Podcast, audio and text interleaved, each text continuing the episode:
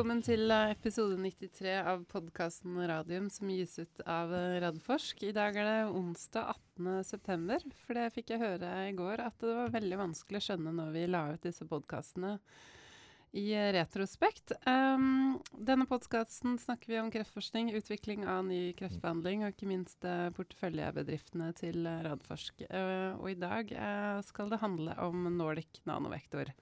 Velkommen i studio, Jonas Einarsson. Takk skal du ha, Elisabeth. Du er frisk og rask og Frisk og rask og klar til innsats. det er bra. Klar til dist. And then uh, I think we'll just switch to English yep. and say hello to Eduardo Bravo, CEO of Nordic Nanovector. Welcome. Well, thank you very much. Yes, and you have with you your colleague Malene Brunberg, Investor Relations and Corporate Communications. Yes, thank you very much. And we agree that you just jump in if you feel so. if Eduardo is on thin ice, then you can come with your things. Um, but it's nice to have you both back in uh, in studio. And the reason why we asked you to come today was that you had uh, this R&D day yesterday in uh, in Oslo, uh, where there were quite a few uh, few in the audience present physically, and you also have had a webcast had a very interesting uh, interesting program. Um, what was the most important message for you to to convey as a company with this R and D day that you hosted, Eduardo? Well, I think the uh, first of all, thank you for inviting us, and, and you know we are very pleased to come. So every time you invite us, you will you see will us here. Um, I hope that I'll we don't have to organize an R and D day just to uh, to be uh, re-invited. But you know, I think that the the main purpose of the R and D day was to really um, have the opportunity of explaining everything else that we're doing within Nordic Nanovector and also some of the uh, uh, opportunities that we have uh, ahead of us. So it was uh, trying to share with uh, with you know with existing and potential new investors and the market in general what are the, uh, the, I would say the current assets of Nordic Nanovector, but most importantly, what is our vision uh, to make Nordic Nanovector a, a, leading company in the radiopharmaceutical space? That was the goal. Mm. Did you think they succeeded in uh, coming through with this message? Yeah, I Jonas? think so, especially for more uh, specialist investors, hmm. because uh, those of us who have been in this field for quite some time know that it's it's so much more than on, uh, only the clinical results that has to be in place to to get a drug product to to the market and actually be accepted by the market. So I thought that was very interesting both with the the preclinical uh, stuff. I thought that was very interesting. Looking into uh, could we do something about responders, non-responders, trying to find some kind of biomarkers, and as I understood, uh, there's some progress uh, in that field. I think that that was uh, very interesting. We'll get back to the clinical results, which are interesting, uh, and also the work that has been done by uh, Biosandala. And I see that there is actually some focus on this preclinical work and for the future. Uh, I know that you have been have to focus very much on the paradigm and the deliberate first on the paradigm study, but it's uh, for me it's good news that you are really looking into things. I mean, we'll get back to that, but this Alpha 37 I think is very exciting. Yes, absolutely, and that was the the opportunity. You know, on the on the quarterly results uh, calls, you uh, tend to be focused more on the short term, yeah. which you know I understand that a lot of investors get very, um, you know, focused on that uh, short-term uh, progress. But at the end, you know, this is a marathon. I mean, it was mm. very impressive to see Jostein there talking about, you know, this 10 years yeah. since uh, they first envisioned uh, Betalutin. And, uh, you know, it must be very exciting to see that idea coming into into the results that we're seeing. Yeah. But it takes very long, and if you want to make a successful company, you need to be making investments also in the early stage pipeline, and that was part of of the discussion that we wanted to have with investors, so yeah. they understood that it's not that we're doing nothing else. No. Is that maybe we we never uh, give enough. Although we do a lot of press releases every time we communicate the things in congresses, uh, we tend to have a press release out just so people are aware of um, of the work we're doing. Mm. Mm. I think that's interesting, and uh, I also gave it some thought after hearing Jostein talking about 10 years ago. So I went, went back into the protocols from the board meetings in Radforsk and found that I think it was in 2010 or 11 that we actually gave Roy Larsen and Nordic Nano a convertible loan of 500,000 Norwegian kroners. That was one one of the first investments in in the company. So yeah, it's a, it takes time, but uh, we're getting there. And money, time and money. a lot of money. Yeah. Yeah. Um, uh, one of the thing that, uh, things that uh, I think especially um, Arne Kolstad talked about was the possibility to to have combinations of Betalutin with, for instance, checkpoint inhibitors. That was very interesting. Can you elaborate more on these uh, combinations that you're looking into? Yeah, I think that um, it was um, not only not only Arne Kolstad. I think that you know even on the preclinical uh, discussions, I think that what we've learned uh, also on some of these uh, responders and non-responders, and also the ability of of uh, Betalutin to um, to actually help on the response on some of the other agents. I mean, remember that the uh, Archer is the result of the preclinical uh, results yeah. that we saw when there was a, that very impressive synergistic effect of um, Betalutin and uh, and rituximab. Mm. So I think that the, the, you know the next step was okay. Rituximab is ongoing. We had the preclinical. We have now the clinical program ongoing, but there was more work that was being done. There's extra knowledge that has been, and it's not only us, I mean, all this uh, uh, information that was uh, unveiled yesterday on these uh, abscopal effects yeah. of the of the radiation and the immunomodulatory effect of Betalutin out of the, uh, the, the pure mechanism of action uh, is what has given the the the idea of you know combining it with a checkpoint inhibitor and you know it's uh, I think that the first time that I see key opinion leaders telling the company, almost begging the company to do extra work given the quality of the data that we mm-hmm. have, and you know it's like marginal zone lymphoma and uh, and a combination with a PD one are clearly uh, two areas of focus for us yeah. going forward. Mm. I think it's very interesting because there has been some discussion if radiopharmaca really is immunotherapy or not we have had that discussion here before, and and uh, I've, I've, said we have to see some kind of evidence that it actually has an immune modulatory uh, effect too, and if you can show that with actually seeing that after this kind of, of treatment, you will get the right T cells to recognize the right kind of, of B cells or tumor cells. Yeah. That would be very interesting. And I, I, saw there were some results coming up on that now. Yeah, I think that the, the graph that Arne showed, in which you know patients continue to improve, and you need to think that yeah, you know Betalutin yeah. after one dose, after two yes. weeks, it has been excreted. But you know to see that patients continue to improve after three, six, nine months shows that there's something else going on yeah. than just the pure uh, radio effect of Betalutin. So. Uh, th- there is something. I think that uh, yeah. uh, you know the the only thing we know is how little we know, yeah. um, and uh, and that that's a reason why we need to keep exploring with uh, you know the groups and uh, outside of the company uh, to better understand you know how much can we do with Betalutin because it's it's such a wonderful product. Yeah. Mm. And I also in in the Q and A, I didn't quite get it, but but uh, Jostein was asked about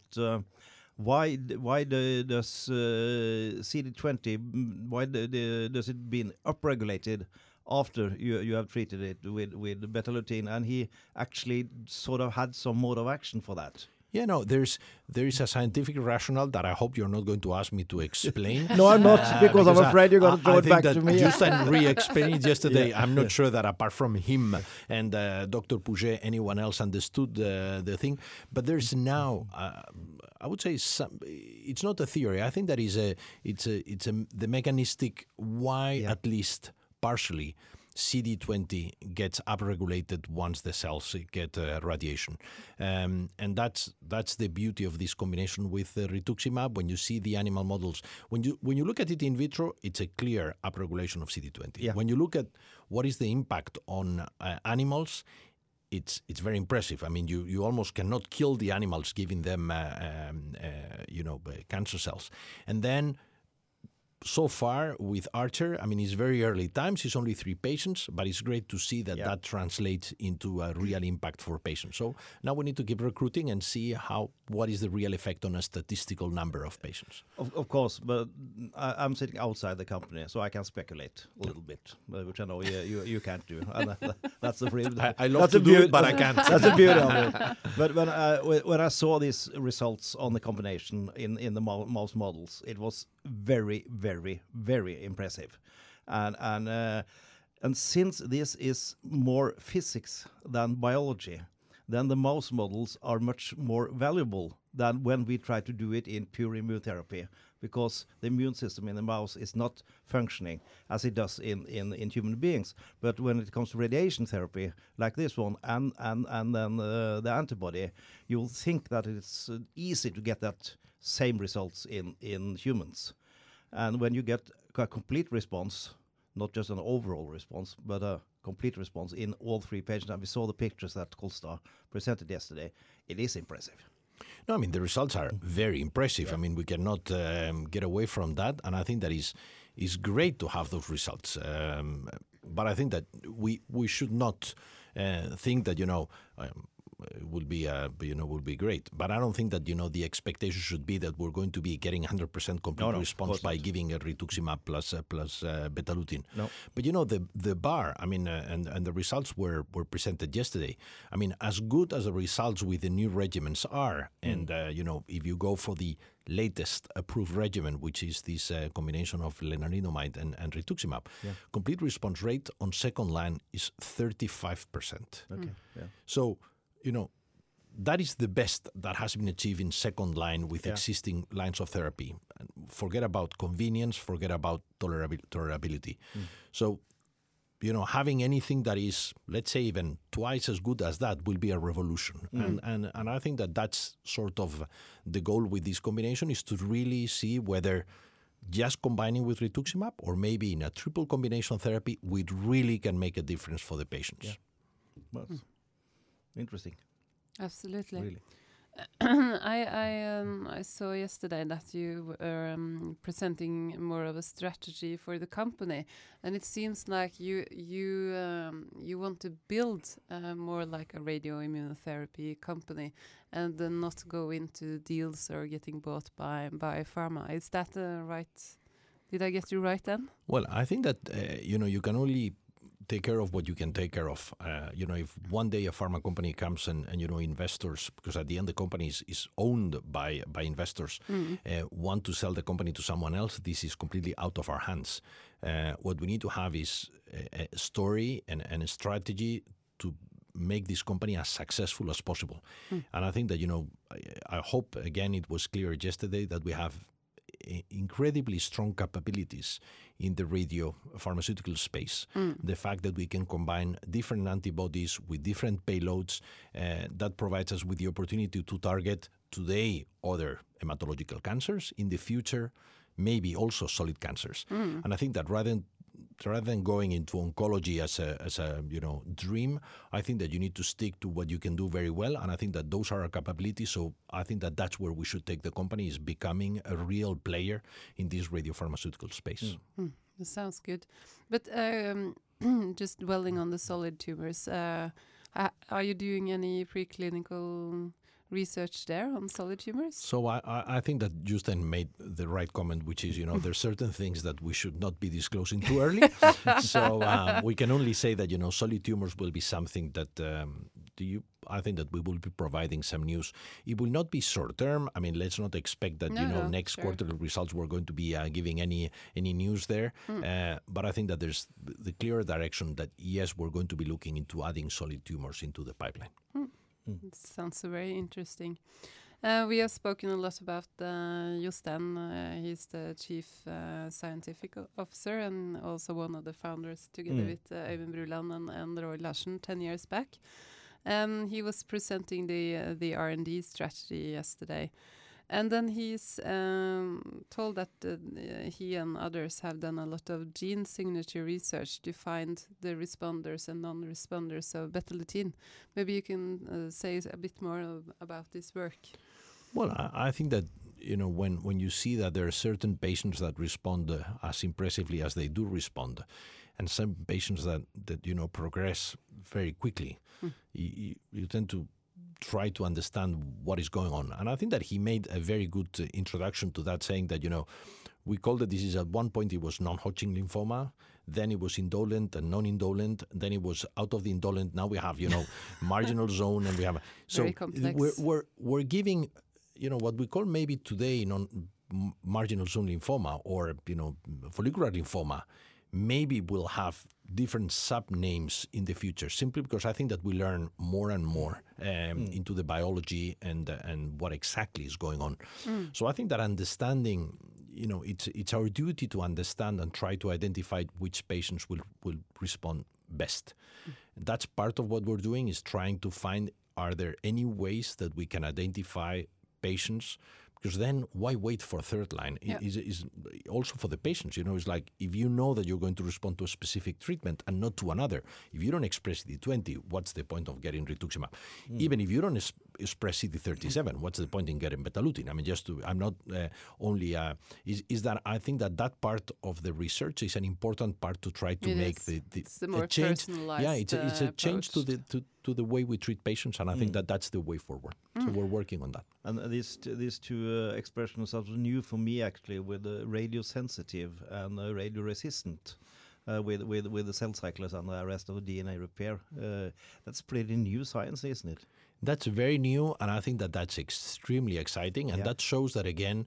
Uh, I think that the future is going to be on combination, and yeah. and you know the, the and again, is the profile of Betalutin, which we think makes Betalutin such a incredible asset for combination therapy. Uh, and that's part of the strategy that we want to push yeah. forward, not only with this PD-1, with this rituximab, but maybe with other uh, more innovative. Uh, those drugs are still in early development, yeah. so they are even maybe further away from the market than we are but it helps understand, you know, how can we improve as well the efficacy of betalutin by uh, combining with with mm. uh, drugs that will help kill cells with our own mechanism of action. That's mm. really what these um, uh, you know studies showed. Yeah. So it was very very impressive. Yeah, it's uh, it really is. Mm. And then he also uh, talked about Alpha 37. Maybe you can tell us a bit more on the work going on there, yeah. which is um, another alpha emitter, not a beta emitter, Be yeah. not a beta emitter such as betalutin. Yeah, I think that, that was it was important to hear first Dr. Pouget, uh, you know, differentiating the alpha versus the beta emitters, and and you know you cannot expect to kill or to treat all the diseases with the same sort of uh, um, radioisotope. So um, we've been working, and and and again, uh, quite a lot, as as you can see from the data presented, without you know making a lot of uh, you know presentations on this uh, combination of of our chimeric uh, anti-CD37 antibody with uh, lead-212, which is this. alpha emitter, and this is a program that we're doing in combination with Orano Med. Um, and uh, we're extremely excited with the data that we've seen. I think that Jostein, um, you know, explained very well that, you know, we have we can demonstrate that you know a beta emitter, you know, betalutin will not work in those mm. models, mm. so that you need something. Mm. And what happens with the same anti-CD37, you change the payload, and suddenly, you know, you you start destroying the bad cells and mm. reducing the toxicity. And uh, you know, when when he presented the data on this ibrutinib, uh, resistant model, and um, just to make sure that people understand, you know, what what we did was ibrutinib is the most used product in this uh, in this uh, in CLL. So you know, taking the ibrutinib resistant cells mm. is actually okay. We're going to go for those that you know are really the tough ones, mm. and we we gave those patients ibrutinib at very high doses just to show that in these those cells are really ibrutinib resistant cells mm. because you see that there was no effect even with extremely high doses of ibrutinib. And then to those some, uh, same cell lines, you know, you give um, uh, alpha 37, and again we go back to the rituximab, and it's like was great to see uh, Jostein, which is uh, you know scientist, so you know he's not like uh, me that gets very excited, saying like this is probably Quite the best data that I've ever seen yeah. Uh, in in CLL, uh, and and that gives an idea of the sort of impact that alpha 37 mm. had on those uh, cell lines. Mm. We're very excited. We're uh, uh, you know going to present the data in in other meetings, but I think is is a great demonstration of the potential of alpha 37 in in CLL. Mm. Yeah. Do you have any idea when you will move into more uh, as a, into patients, into humans? Yeah, I mean the uh, the plan um, is is to have an IND ready by the end of next year and be on the clinic early in 2021. Mm. That's the current plan. Hmm. I think if you continue to show us good data, then you probably have a good of a lot of good centers where you can start yeah, I'm sure yeah. there will be a lot of interest uh, on this uh, on this combination. Is again a one single dose. I mean, it's a, it's, yeah. it's a very attractive um, proposal. And then you will go with the chimeric, right? Yes, Yeah. and the idea is to go with the chimeric, and uh, you know we, we get a lot of questions why uh, why betalutin and not umalutin, and and basically you know umalutin was really a backup to uh, to betalutin, but Yeah. you know it's a single dose, so there's no real advantage of going with the uh, chimeric, so it doesn't make any sense to restart from the very beginning with uh, with the chimeric. Now we're starting with a new payload, so you're starting from scratch. Then you're better off starting with the chimeric. But but you know that's the reason why we're pushing now uh, alpha the alpha 37 with the chimeric and the lead 212. Yeah. Um, uh, what I also saw yesterday is that uh, lymphoma is it's a crowded uh, space. There's a lot of going on on developing different kinds of treatments, uh, different stages in in clinical uh, development. Um, is there any of these competitors that you fear, or, or do you uh, do you, or do you have the confidence that you are, also the best and the most advanced? Well, I would I would ask uh, the uh, the uh, listeners to uh, to go through uh, Professor Zinzani presentation. Mm. I think that um, It's you know very uh, impressive. Uh, you know, having someone like Professor Zinzani making the statements that he made, and it's not about you know how good betalutin is, it's about the need for alternatives to what is existing today and actually what is being developed. There's nothing that is being developed that is a true innovation to what exists today, and that you know an opinion leader like Professor Zinzani sees as a real uh, solution to some of the needs of these patients. But if I can uh, choose one uh, moment from yesterday, was this um, question? I w- actually was a phrase from someone from the audience that I was actually a patient Yeah. uh, asking us again, why don't you move to first line uh, quickly? Because you know, I don't want anyone to go through what I've gone. And this is a patient that has a, a, a response um, with with uh, one of the existing therapies, but I think that we do not realize how tough those therapies are hmm. for the patient and what a difference it is if you can get away with a single dose that is very in, in Well relative terms very well Yeah. tolerated. Hmm. So I think that it was very honestly it was very moving for us. You know, it really gives you the impression like, hey guys, we really need to get this drug out hmm. because you know patients are in need Eager. for something Yeah. like like Yeah. betalutin, and, and that that for me was internally was the highlight of the day. I Yeah. mean, it's really to see the need of of uh, patients for something like betalutin. Yeah. Absolutely. Um, do you have yeah, uh, yeah. I have some uh, some uh, clarification maybe because the questions is always coming in uh, after you have had uh, such presentations, and uh, the, there's a couple of uh, of things. Uh, the medium duration of response for the LYMRIT study for all the patients, 13.6 months, will never change. No. No, right. So that's clear. Uh, for the complete responders, it was 30. Is it that Two, now? 32. 32. That can change. Yes. Yes, because it's still 10 patients Out of 22, response, still ongoing. still ongoing. Yeah. And, and that means that there is 10 patients still ongoing for the all, overall responders. yes. But, you know, there's half of the patients have failed at Yep. 13.6 months or earlier. Yeah. So it will not change. Yeah. That one cannot change No. for better or worse. Yeah. The other one can only change For the for, better. be- for the better. Yeah. Right. So that's uh, good then. Th- that is out of the question. That's clear. Yes, That's good. That's To uh, streker under svaret. yeah, and, and I've also had some questions about one quote from um, your CFO yesterday in uh, it was uh, Finansavisen. Finansavisen Did you see uh, that? about the, yes, of the- course. I saw the picture with Yeah. uh, Marina. yeah, yeah. uh, about the, the interim data or the readout data. Uh, and there's a lot of questions. Is it, did she really say that you could uh, apply for an uh, fast track or an AA after the interim analysis? It is still the readout. Yeah. I Yeah. mean, uh, in again, the just second half of 2020. just just to avoid again, and Yeah. you know, we but we we're, I think that we're extremely transparent on Yeah. uh, on what we're going to have things. So interim data will happen in the first half of 2020, and and the interim data is a futility uh, analysis. So that will simply tell us whether both arms or one of the two arms or none of the arms jumps through the efficacy hurdle that the authorities have considered necessary mm. for the product to uh, for the trial to continue until the final enrollment of the 130 patients. Yeah. Okay, so uh, hopefully during the uh, first half of next year we will give the good news. That's what we expect that both arms have jumped the hurdle. Yeah. That will further the risk the clinical trial because it means that we are set up to get the efficacy that we need to get approval. Yeah. But this that's all. That's all we're going to say. Then the recruitment will continue. We'll finalize in the second half of 2020, and then once you get the uh, last patient in, you need to wait until you have the last, you know, the the uh, three months uh, scan of the last patient, yeah. and at that point you can put together the file and you can go to the authorities and ask for the approval.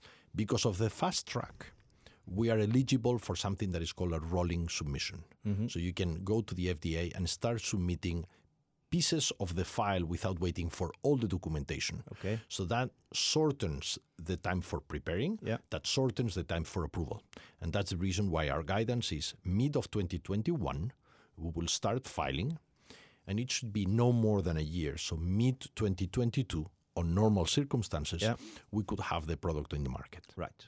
Hmm. I hope that this clarifies Yeah. timelines for Yeah, I everyone. think there must Yeah. have been a misunderstanding Yes. in the. Well, we will all With the love to uh, journalist. to get the uh, file with the interim, yeah. but it's, it's, that's No. not how No. it works. But then, from one uh, one of our listeners, he is wondering then what's the purpose of this uh, interim Well, the purpose of the interim is just to be uh, um, on certain. the safe side? i- i- It's, it's certainty really for the patient. I mean, imagine, which I think is, is extremely, extremely, extremely unlikely, but imagine that there's one of the two arms, for whatever the reason, suddenly uh, does not work, is much worse than the other, Yeah. and does not go through this efficacy hurdle. Mm. Then you can stop enrolling patients and taking them through a suboptimal treatment. Imagine then suddenly no patient gets benefit out of betalutin or, or a very few patients. Then it gives the opportunity of the company of stopping and uh, you know the patients going through something that will be better therapy. Um, we do not see this. We see No. this as an opportunity to Yeah, yeah. reinforce the message to the market Yeah. but that's that's why authorities will want you to have an interim data. It's for futility. But uh, this what uh, what happened with uh, Algeta that they stopped in the interim because the data of of Xofigo was so good that it was unethical to give it to, the randomized part. You don't think this will happen because here- you have to go through all 130 patients. Yeah, the the uh, phase three of Xofigo was stopped. Uh, it's a, it was a phase three. You're comparing your drug with with standard of care Yeah. at that uh, moment, Mm. and then if you see at some point that the, the difference starts being so big that you're going to meet the endpoint, then you can you can stop your trial Yeah, earlier. yeah. In this case, we're comparing two doses of betalutin. And the, the agency wants at least 130 patients because we need to give betalutin to enough patients before it gets a full approval. Absolutely. So, you know, if one of the arms gets dropped because it's, uh, whatever, because of uh, lack of efficacy, then the agency still wants us to recruit 130 patients because they want us to have enough patients that have received betalutin to give us an approval. Remember, it's still an accelerated approval, it's still Yeah, without yeah. a phase three, uh, but we need at least those 130 patients. Yeah. So I that's can the see process. that. I mean, 130 people is not much. Yeah. So then it's not that easy to recruit us, uh, but but it's, it's, it's not. It's a small trial. I mean, Yeah. and we're going. I think that the way to look at it, and I try to explain that as well every time, is we had the data in 74, and the data is extremely consistent.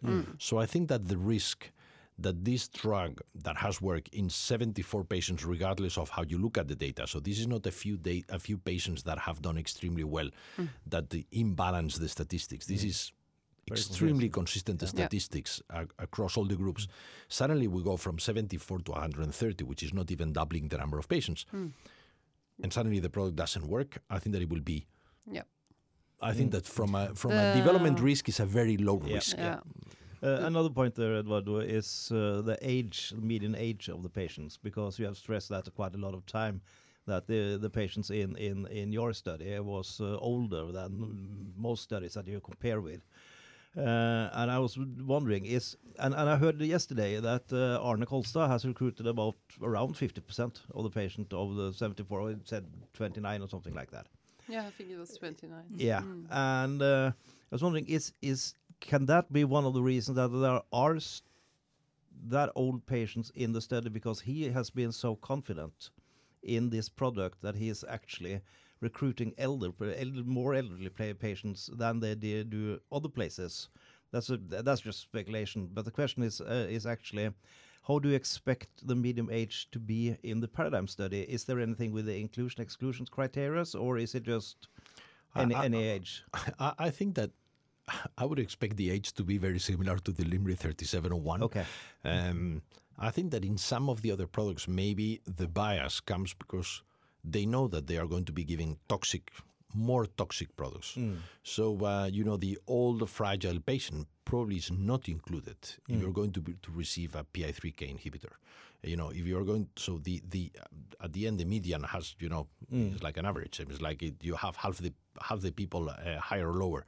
So, you know, how many people above 70 will you put through uh, a weekly injection of copanlisib with the side effects associated mm. with it?